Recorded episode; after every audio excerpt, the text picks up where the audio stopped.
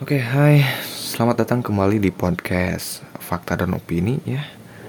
Yang di mana jadwal rilis episodenya tidak menentu ya. Karena disebabkan oleh satu dan lain hal ya. ya sebenarnya bukan gak pengen rekaman sih, cuman kayak ya emang malas aja sih. Pakai alasan segala.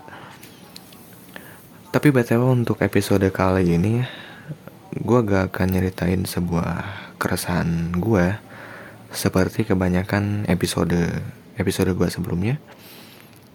Kali ini gue bakalan ngebikin uh, sesi baru di podcast gue di mana gue bakalan ngebacain sebuah cerpen karya ya atau ciptaan gue sendiri karena um, kebetulan gue orangnya suka menulis ya suka tulis menulis kayak gitu cuman ya gue kadang nggak pede aja gitu buat nge-publish. Paling paling mentok gue upload di Wattpad. Kalian bisa cek aja kalau mau. Dan untuk kali ini gue pengen ngebacainnya secara langsung gitu oleh gue sendiri gitu. Mencoba aja gitu memberanikan diri aja. Tapi kalau dibikin satu episode mungkin bakalan panjang ya jadi mungkin gue bakalan bikin um, satu cerpen itu dibikin beberapa part gitu. Jadi nggak langsung gitu. Karena ya takut kelamaan juga takut ke lo nya juga keburu bosen gitu ngedengerinnya. Keburu ngantuk gitu ya kan. Jadi ya so buat kalian yang penasaran lo bisa langsung dengerin aja Gue Ridwan Syah dan selamat datang Fakta Opini Podcast.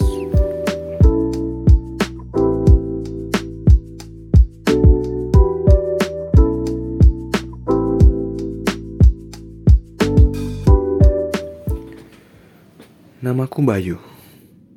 Asalku dari kota Garut. Kota kecil dan indah yang mempunyai sejuta kenangan di setiap sudutnya juga tempat di mana semua kisah cintaku berawal di kota ini.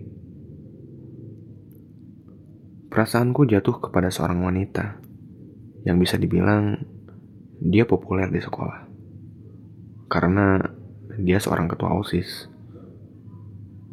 Aku memang tak berada satu kelas dengannya. Bahkan kami berbeda jurusan. Aku yang berada di jurusan otomotif sedangkan dia berada di jurusan multimedia, di mana kelas kita berada berjauhan. Namanya Nadine. Aku mengenalnya saat berada di kantin sekolah. Ketika sebuah ketidaksengajaan, aku yang menyapanya. Karena aku kira dia orang yang sama yang aku kenal.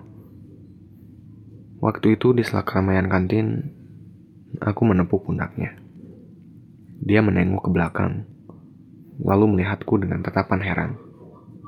Mungkin dalam pikirannya, ini orang siapa anjir? Kok sosokan kenal gitu. Aku pun menatapnya dengan perasaan kaget. Tapi kemudian, aku tersadar. Merasa tidak asing dengan wajahnya itu. Dan ternyata benar. Dia adalah seorang ketua OSIS dari sekolah kami.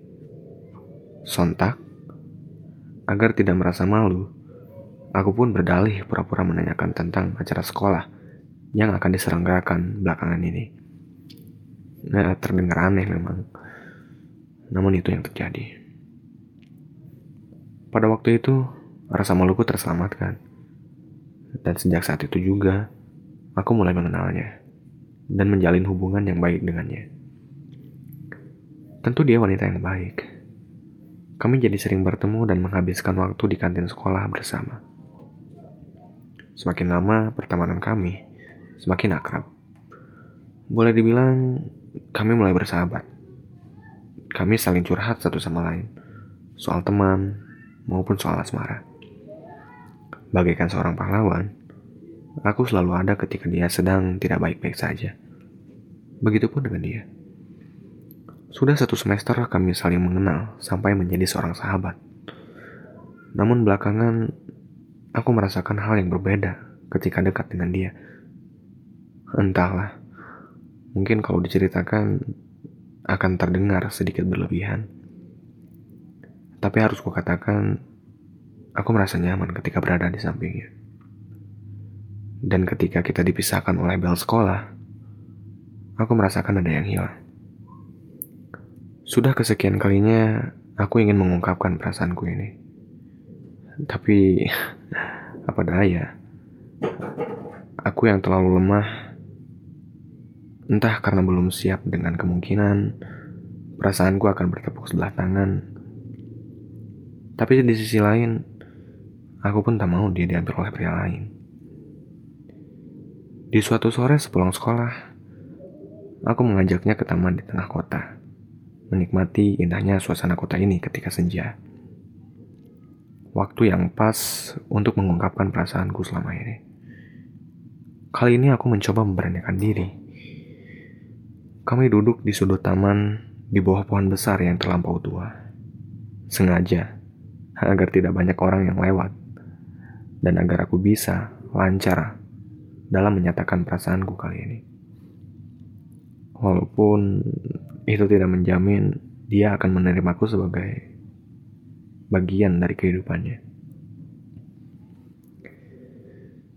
Kami duduk bersebelahan di kursi panjang Nadine terlihat memerhatikan indahnya pemandangan kota sambil senyum yang tersimpul manis di bibirnya.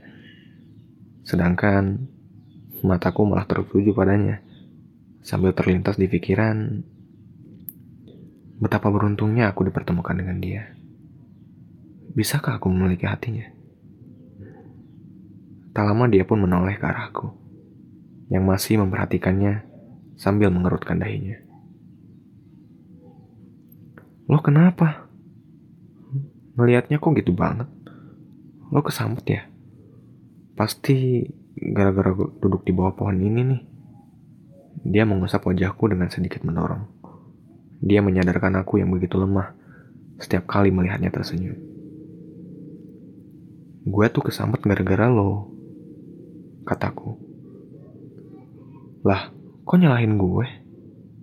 Emangnya gue jin apa? emang lo kayak jin tapi ini jinnya cantik sontak dia mencubitku beberapa kali tapi sakit memang tapi entah kenapa itu membuatku candu ya udah pacaran aja gih sama jin jawab dia terlihat kesal emang mau Malahan gue mau nembak dia sekarang. Dasar aneh. Nembak kok ke Jin. Ya udah, tembak aja. Gue dukung kok. Jawab dia. Bener ya? Oke. Lo mau gak jadi pacar gue? Kataku. Sambil detak jantung yang semakin kencang. Dia terdiam. Mengerutkan dahinya sambil sedikit tertawa. Kok ngelihatnya ke gue? Emang jinnya ada di sebelah gue ya? Entahlah. Mungkin dia pura-pura tidak mengerti. Dasar cewek. Lah kan kata gue lo yang jadi jinnya. Lalu dia lagi-lagi mencubitku untuk kesekian kalinya. Dasar bercanda mulu kerjaannya, kata dia. Ya udah, sekarang gue serius nih. Nadine, manusia, bukan jin, cantik. Mau nggak jadi bagian dari sebuah cerita di kehidupan gue? Terlihat dia menahan tawa. Lebay. Serius nih, lo nembak gue. Ya, Giliran serius, malah dikira bercanda. Sebab salah emang. Makanya jadi orang jangan bercanda mulu. Ya udah iya. Jadi gimana nih? Diterima atau enggak? Dia terdiam sambil kembali menatap langit yang semakin menguning. Setelah itu, dia kembali menoleh sambil tersenyum. Iya, gue mau. Saat itu aku tak bisa berkata apa pun. Hanya bisa tersenyum, menahan kebahagiaan yang meluap. Ingin berteriak, tapi malu. Setengah rasa tak percaya. Bener nih, lo nerima gue. Aku mencoba memastikan. Ya udah kalau nggak percaya, pulang yuk. Dia berdiri, lalu berjalan meninggalkanku menuju tempat parkir. Entah kenapa rasanya langit di kota Garut saat itu menjadi terlihat lebih indah. Kami kembali berboncengan untuk kembali berpisah menuju rumah masing-masing. Tapi kali ini, aku tidak khawatir. Karena aku telah benar-benar menemukan rumahku, yaitu di hatinya.